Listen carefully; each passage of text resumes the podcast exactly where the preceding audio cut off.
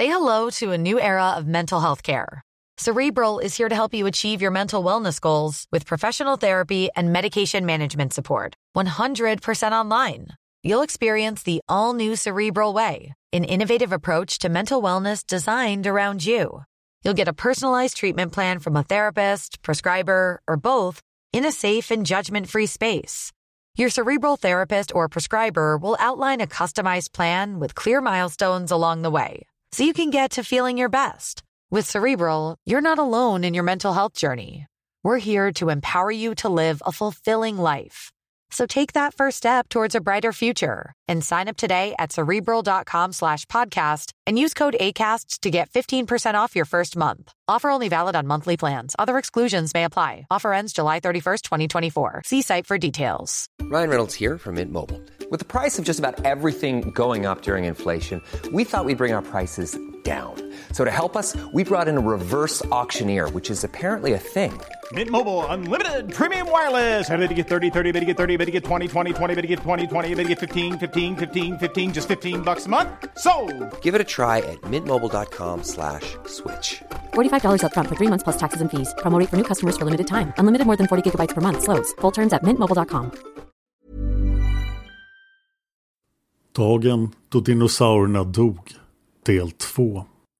I nästan 200 miljoner år hade dinosaurierna lallat omkring innan någonting ställde till det för dem.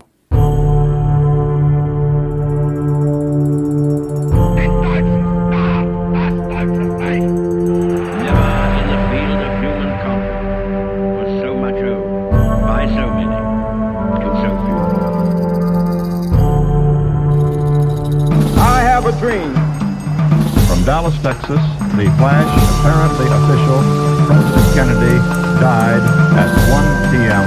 Central Standard Time. One small step for man, one giant leap for mankind. Statsminister Olof Palme är död. På eftermiddag World Trade Center i New York brinner. Nu blir det historia med Dan Hörning och Cornelia Boberg. Och i och med det välkomnar jag dig till dagens avsnitt. Jag heter Dan Hörning och i förra avsnittet hade vi död på dinosaurierna. Och idag ska vi prata om hur livet återhämtade sig efter asteroidnedslaget. Fram till ganska nyligen trodde vi verkligen att dinosaurierna dog av den här asteroiden. Men dinosaurierna var inte utdöda, inte alla dinosaurier. Den grupp av dinosaurier som överlevde var alltså fåglarna. Det var ett fåtal arter av fåglar som överlevde. Det var fåglar som bodde under marken och fåglar som gillade vatten. De hade lyckats söka skydd under jorden eller vattnet och hitta tryggheten i det här vardagsinfernot. Loppor runt 3 cm stora hittade mat och skydd i dessa fjäderprydda dinosaurier. Samtidigt som lössen slog sig till ro i deras fjädrar och på så sätt överlevde även loppor och löss. Fåglarna. Nu ska vi prata ännu mer om fåglar. Mycket av dinosauriernas leverne och död har ju främst fokuserat på de väldiga giganterna. Men fåglarna hade varit med ett tag. Så vi drar tillbaka tiden ytterligare 80 miljoner år. Alltså till 146 miljoner år sedan det sena Jura. Och där har vi dinosauriernas storhetstid. Som vanligt under Jura och Krita. På en liten ö som senare skulle bli dagens Tyskland fanns det en liten krabat med fjädrar, tänder, klor och en lång svans. Någonstans här fick den här krabaten för sig att testa att flyga lite grann. Det var ingen majestätisk flyguppvisning, men det var ett tappert försök. Den här lilla krabaten delade egenskapen fåglarna som finns idag. Krabaterna var små, befjädrade rovdjur. Än härskar de inte i luften långt ifrån. Fåglarna hade alltså tänder i början och vissa grupper av fåglarna behöll sina tänder. För det var bra när man skulle fånga rörliga byten. Men med evolutionen som en push utvecklade fåglarna istället tandlösa näbbar. Att som embryo utveckla tänder tar en väldig tid. Utan behovet av tänder kunde fåglarnas embryon utvecklas snabbare. Förfäder till fåglar med näbb utvecklade krås. Dessa behövde inte tänder för att fånga och döda byten. De siktade in sig på insekter, ödlor, däggdjur och plantor som de kunde svälja hela. Deras nyutvecklade krås gav dem möjlighet att dra nytta av all näring i deras nya diet mycket snabbare än dinosaurierna. Dinosaurier, såsom T-Rex, hade tänder men de tuggade inte sin mat utan svalde den hel. De hade inte heller utvecklat ett tillräckligt bra matsmältningssystem. Så dessa nya fåglar kunde ta upp näring mycket snabbare än dinosaurierna. En del fåglar utvecklade en ficka i halsen där de kunde spara sin mat till senare. Fåglarna har alltså redan upplevt många, många miljoner år av evolution innan asteroiden kom. Och det här är ett de två egenskaper som spelade en betydande roll för deras överlevnad efter nedslaget. På själva domedagen hade fåglarna ungefär samma chans att överleva som de andra dinosaurierna. Men i efterspelet av katastrofen spelade deras näbbar en betydande roll för deras överlevnad. De kunde hacka sig ner i det som fanns kvar, kunde hitta frön i små skrymsler där andra rovdjur inte hade någon möjlighet. Fåglar med näbb var de enda fjäderhuvade varelserna som existerade ett år efter katastrofen. De fåglar som hade tänder och hade överlevt nedslaget dog ändå inom ett år. Att ha en mun med tänder kommer med ett beroende av andra djur att äta av. Men nu fanns det få andra djur att äta av. Så tandfåglarna dog ut. Näbbfåglarna däremot utvecklade näbbar i varierande storlekar och former. En näbb som är bra på att öppna skal på nötter är kanske inte lika bra på att dricka nektar. En näbb som är bra på att fånga insekter är kanske inte lika bra att beta på marken. I den nya världen, utan alla jobbiga dinosar som upptar allt utrymme och uppmärksamhet, fanns det mängder med plats för våra näbbade fåglar. Under vintern blev sökandet efter nötter och fröer en rak stig mot överlevnaden. När himlen väl öppnade sig igen kunde plantor och annan flora sakta men säkert sippra fram. Med det kom även insekter, ödlor, smådjur och frukter. Nu fanns det mer och större variation i menyn för våra fåglar som trivdes jättebra. I ekosystem, i sjöar och strömmar var det få grupper som dog ut eftersom de inte var beroende av mat från levande växter. Dagens krokodiler kan i viss mån överleva som avsätare och dessutom leva i flera månader utan mat. Till deras fördel är krokodilungar små, växer långsamt och äter ryggradslösa djur och döda organismer under deras första levnadsår. Sådana egenskaper är fördelaktiga för deras överlevnad under slutet av krita. Liknande mönster har kunnat urskiljas i haven. Varelser som levde på havsbottnar och främst livnade sig på dött organiskt material från växter och djur hade en betydande chans att överleva det femte massutdöendet. Landskapet efter utrotningen gynnade flera svamparter. Det finns svamparter som inte är beroende av solljus, vilket resulterar i att de kan överleva under perioder då atmosfären var igensatt av damm och sot. I den största massutrotningen, det största massutdöendet i planeten jordens historia, utrotningshändelsen Perm Trias, den stora döden, där 96 procent av alla arter dog ut betydligt fler än av asteroiden. Den gången frodades svampar som att inget hade hänt. Någonstans mitt i allt elände och misär som allt hade orsakats av en slump fanns en annan slump som var till överlevarnas fördel. För ovanlighetens skull kom vulkanerna till vår räddning. Dekantrapporna, massiva vulkaner i Indien, hade blivit aktiva. Flera miljoner år innan asteroidnedslaget sprutade dekantrapporna ut mängder av lava. Med lavan kom koldioxid och sulfater från jordens inre, vilket resulterade i mindre temperatursjunkning, ungefär 2 grader Celsius. Det var en tillräcklig förändring för att låta dinosaurierna på andra sidan jordklotet evolvera till en större kroppsmassa. Ju större kropp, desto lättare har den kroppen att ansamla värme. Efter ett tag slutade dekantrapporna att utsöndra lava samtidigt som basaltet som de hade skapat kyldes ner och blev en del av jordens yta. Ungefär samtidigt som asteroiden siktade in sig på jorden blev dekantrapporna aktiva igen och började ännu en gång spruta ut lava. Med det böljade koldioxid och andra växthusgaser ut i processen. Utbrotten ökade jordens medeltemperatur med några grader. Den ynka möjligheten till liv utnyttjades fullt av det liv som fanns kvar på planeten. Och det räckte för att lite, lite grann motverka den stora nedkylningen under atombombsvintern. Det största massutdöendet någonsin, den stora döden som jag nyss nämnde, det hade utlösts av vulkanutbrott 186 miljoner år innan asteroidnedslaget. Men även den gången återvände livet och vägrade att utplånas. Dekantrappornas utbrott här hade i sig orsakat utrotning för vissa arter, men inte för dinosaurierna. Detta hävdar paleontologen Riley Black, men teorin är omstridd. Det finns paleontologer som hävdar det motsatta. Att dinosauriernas massutdöende inte till största delen orsakas av asteroiden utan av just dekantrapporna. Att det var just en asteroid som orsakade massutdöendet har varit uppe för diskussion länge och svaret har inte alltid varit självklart. Det är inte förrän på senare år som teorin om att asteroiden dödade dinosaurierna har kunnat bekräftas. Redan på 1820-talet insåg paleontologer att någonting betydande och massivt hade inträffat mellan Mesozoikum och Caenozoikum i slutet av krita. Det var också runt den här tiden som de första dinosauriefossilerna beskrevs i den vetenskapliga litteraturen. Då kände man bara till några få dinosaurier och man var inte särskilt intresserad av att göra större ansträngningar för att försöka lista ut vad som hade dödat dem. Många forskare la fram varierande förslag om vad som kunde ha skett. Exempelvis att syrehalten i jordens atmosfär steg till nivåer som var bättre lämpade för fåglar och däggdjur.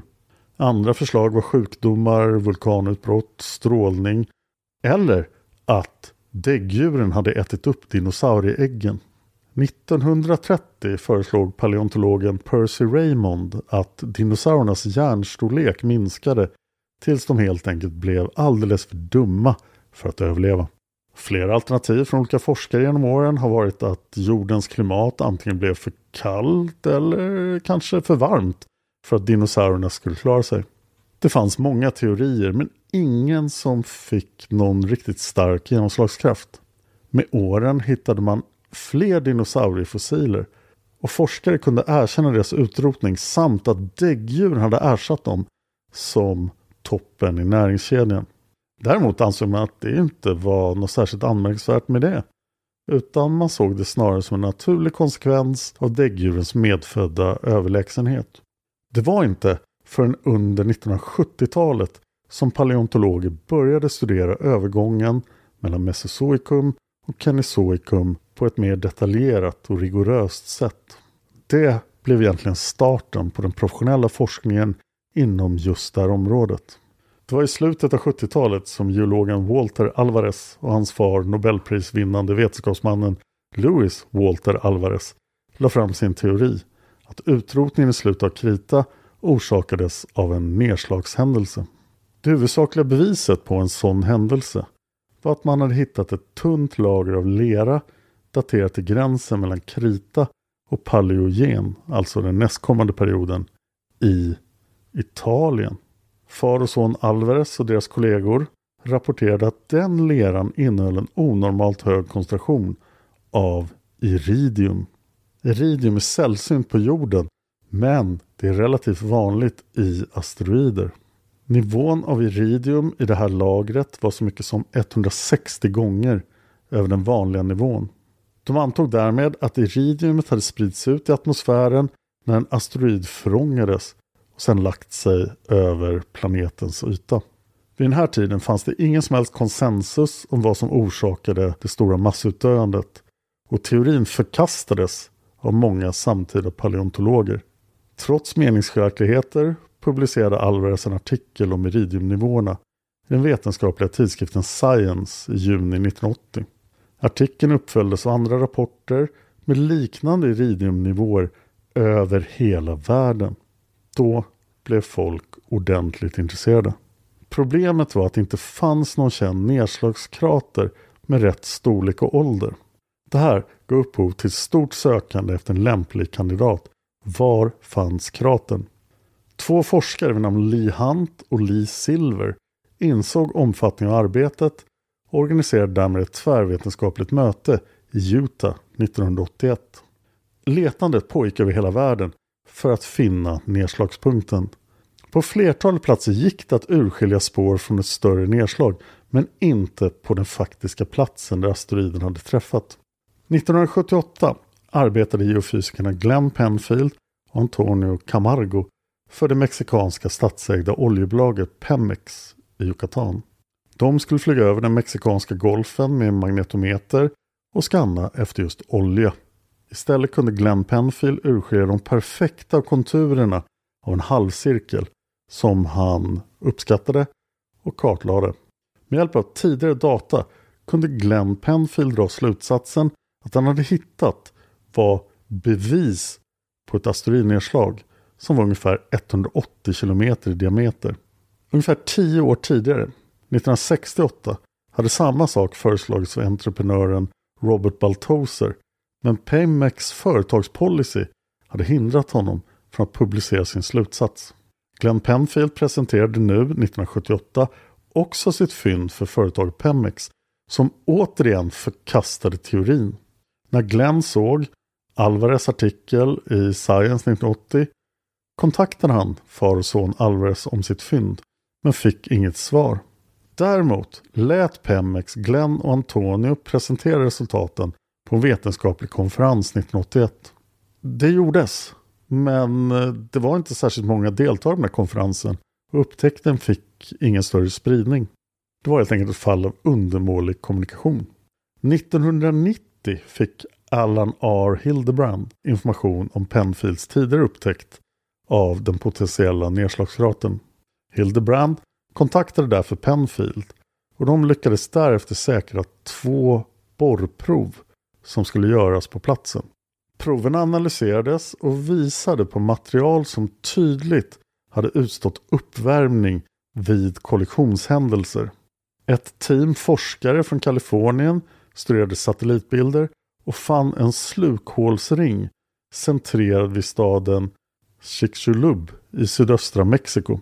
Den matchade exakt det som Penfield tidigare hade sett. Efter ytterligare undersökningar kunde man tydligt redogöra att det här var en nedslagskrater. Nyare bevis tyder dock på att kratern är 300 km bred och att ringen som är 180 km bara är en inre ring av kratern. Kratern kom att identifieras 1991 och döptes rätt och slätt till Chicxulub-kratern efter den närliggande staden. I mars 2010 granskades all information och alla tillgängliga bevis av 41 experter från många olika länder. De kunde dra slutsatsen att det här var rätt krater. Det var här asteroiden slog ner och dödade dinosaurierna för 66 miljoner år sedan. I april 2019 publicerades en artikel i PNAS, alltså Proceedings of the National Academy of Sciences of the United States of America, en vetenskaplig tidskrift. Artikeln beskrev bevis från fossil i North Dakota som författarna till artikeln sa gav flera händelseförlopp efter asteroidkollisionen. Teamet fann även tektiter i bärnsten som hittades på platsen som också fanns i gälarna på cirka 50 procent av de fossila fiskarna. Med tektiter menas grusstora kroppar som består av svart, grönt, brunt eller grått naturligt glas som har bildats av skräp från en meteorit. Författarna, en av dem var Walter Alvarez, antog att chocken från nedslaget motsvarande en jordbävning, 10 eller 11 på Richterskalan, kan ha lett till rörelser av vatten i sjöar, vikar eller bukter som även skulle ha nått platsen i North Dakota inom några minuter eller timmar efter asteroidnedslaget. Detta ska ha lett till en snabb begravning av organismer under ett tjockt lager av sediment. Det bevarade dem och vi kan avläsa det här idag. Det kunde också finnas spår av iridium. Medförfattaren David Burnham från University of Kansas sa citat De är inte krossade. Det är som en lavin som kollapsar, nästan som en vätska. Och sedan lägger sig som betong. De dödades ganska plötsligt på grund av det våldsamma vattnet. Vi har en fisk som träffade ett träd och bröts på mitten. Slut citat. 2016 iscensattes ett stort vetenskapligt borrningsprojekt djupt in i toppringen av Chicxulub-kratern för att ta prover från själva nedslaget. Upptäckterna ansågs allmänt bekräfta den nuvarande teorin relaterad till både kraterpåverkan och dess effekter. De bekräftade att klippan som utgör toppringen hade utsatts för enormt tryck och kraft. Därmed hade den smälts av enorm värme och chockades av enormt tryck från sitt vanliga tillstånd till sin nuvarande form på bara några minuter. Det faktum att toppringen var gjord av granit var också betydelsefullt eftersom granit inte är en sten som finns i havsbottenavlagringar. Den har sitt ursprung mycket djupare i jorden och hade kastats upp till ytan av det enorma trycket från kollisionen. Den sulfathaltiga sten som vanligtvis finns på den grunda havsbotten i regionen hade nästan helt avlägsnats och måste därför nästan helt ha förångats och kommit upp i atmosfären. Detta stödjer starkt hypotesen att stötkroppen var tillräckligt stor för att skapa toppringen samt för att smälta, stöta och skjuta ut kärngranit från mittskorpan in i jorden. Dessutom för att skapa kolossala vattenrörelser och för att skjuta ut en enorm mängd förångad sten och sulfater i atmosfären. Denna globala spridning av damm och sulfater skulle ha lett till en plötslig och katastrofal effekt på klimatet över hela världen. Stora temperaturfall och förstört näringskedjan. På det viset kunde vi 2016 sy ihop trådarna och fick därmed förklaringen på hur dinosaurierna dog. Eller gjorde vi det? Idag är teorin om asteroiden den absolut mest accepterade och allmänt vedertagna.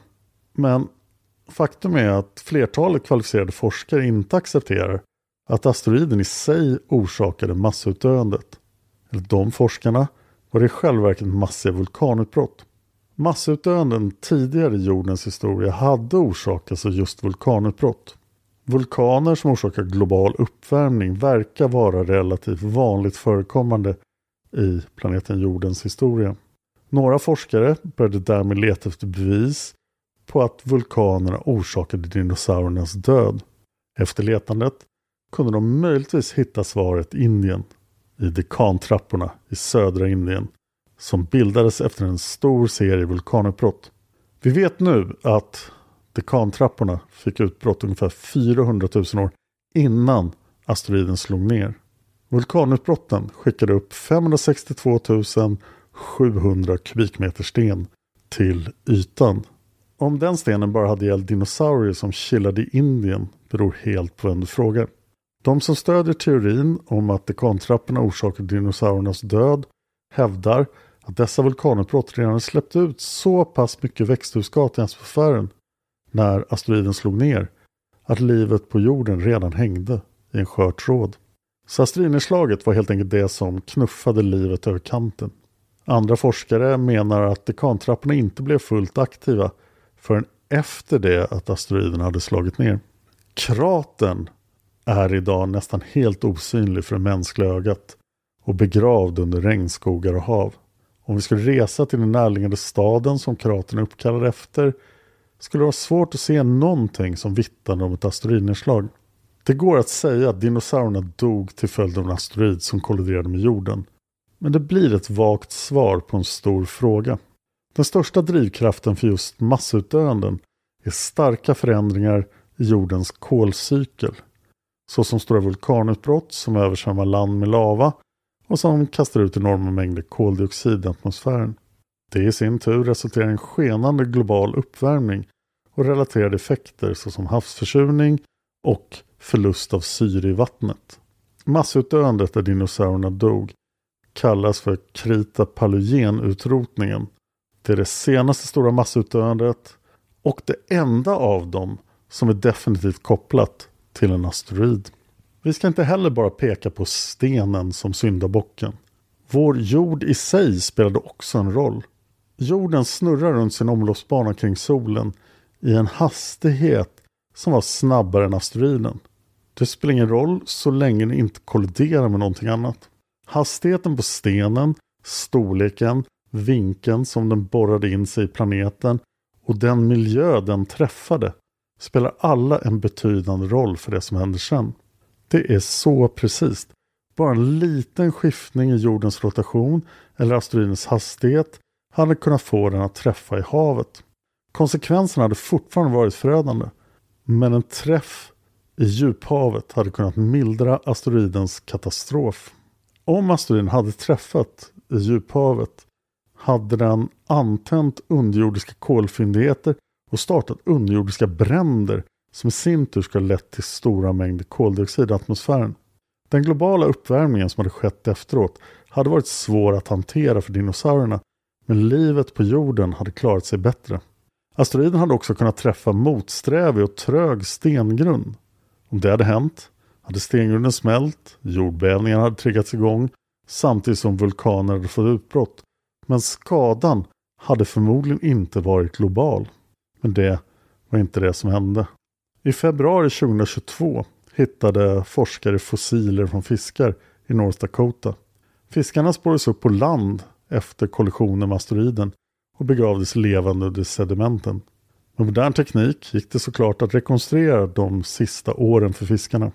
Eftersom fiskarna dog när asteroiden slog ner kunde man även urskilja vilken tid på året asteroiden träffade. Fiskarna var kallblodiga och växte endast när de hade god tillgång till föda. Till skillnad från oss människor då som ju växer hela tiden tills vi har växt klart.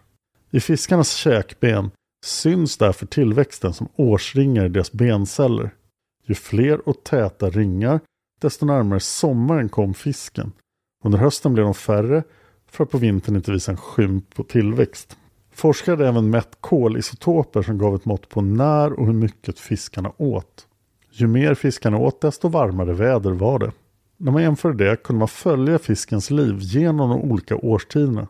Sådana här mönster går att urskilja i flera fiskarter under flera år av deras liv.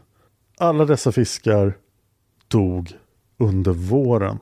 Just vetskapen om när asteroiden slog ner, att den slog ner under våren, kan ge oss mer ledtrådar om varför vissa arter överlevde medan andra mötte sin undergång. En annan orsak som bidrog kan ha varit skillnaden mellan jordhalvorna, de så kallade hemisfärerna. Trots att asteroidens nedslag påverkar hela planeten så verkade återhämtningen dubbelt så snabbt på det södra halvklotet där det var höst vid den aktuella tidpunkten än på det norra där det var vår. Hur pass hårt olika platser drabbades av asteroiden kunde alltså delvis bero på årstiden. På norra halvklotet där det var vår var många av djuren otroligt aktiva och exponerade. De letade efter partners, letade efter mat och tog hand om sina ungar. Djuren på det södra halvklotet däremot, de förberedde sig för den långa och hårda vintern. De djur som hade tänkt gå i det hade kanske redan gjort det. Och det gav ju dem förstås enorma fördelar vad gällde att överleva. En sak som är fascinerande är att allt som vi har pratat om här är en slump. Hade jorden varit på vilken annan plats som helst i sin omloppsbana kring solen hade det här inte hänt. Det är relativt osannolikt att ytterligare ett asteroidnedslag av denna storlek skulle hända igen under vår livstid. Astronomer idag har relativt bra koll på farliga asteroider i jordens närhet och när nya sådana kan tänkas dyka upp. Vi har mycket bättre koll än vad dinosaurierna hade på det. På den punkten kan vi alltså andas ut. Men ett stort massutdöende behöver inte, som vi ju nyss har lärt oss, bero på ett asteroidnedslag. Det kan ha helt andra orsaker. Och vi dansar just nu själva på kanten till avgrunden. Jag vill varna inför den sista delen av det här avsnittet som kan upplevas som ångestframkallande för människor som lider av dödsångest och eller rädsla för den mänskliga rasens undergång. Massutdöenden sker slumpmässigt.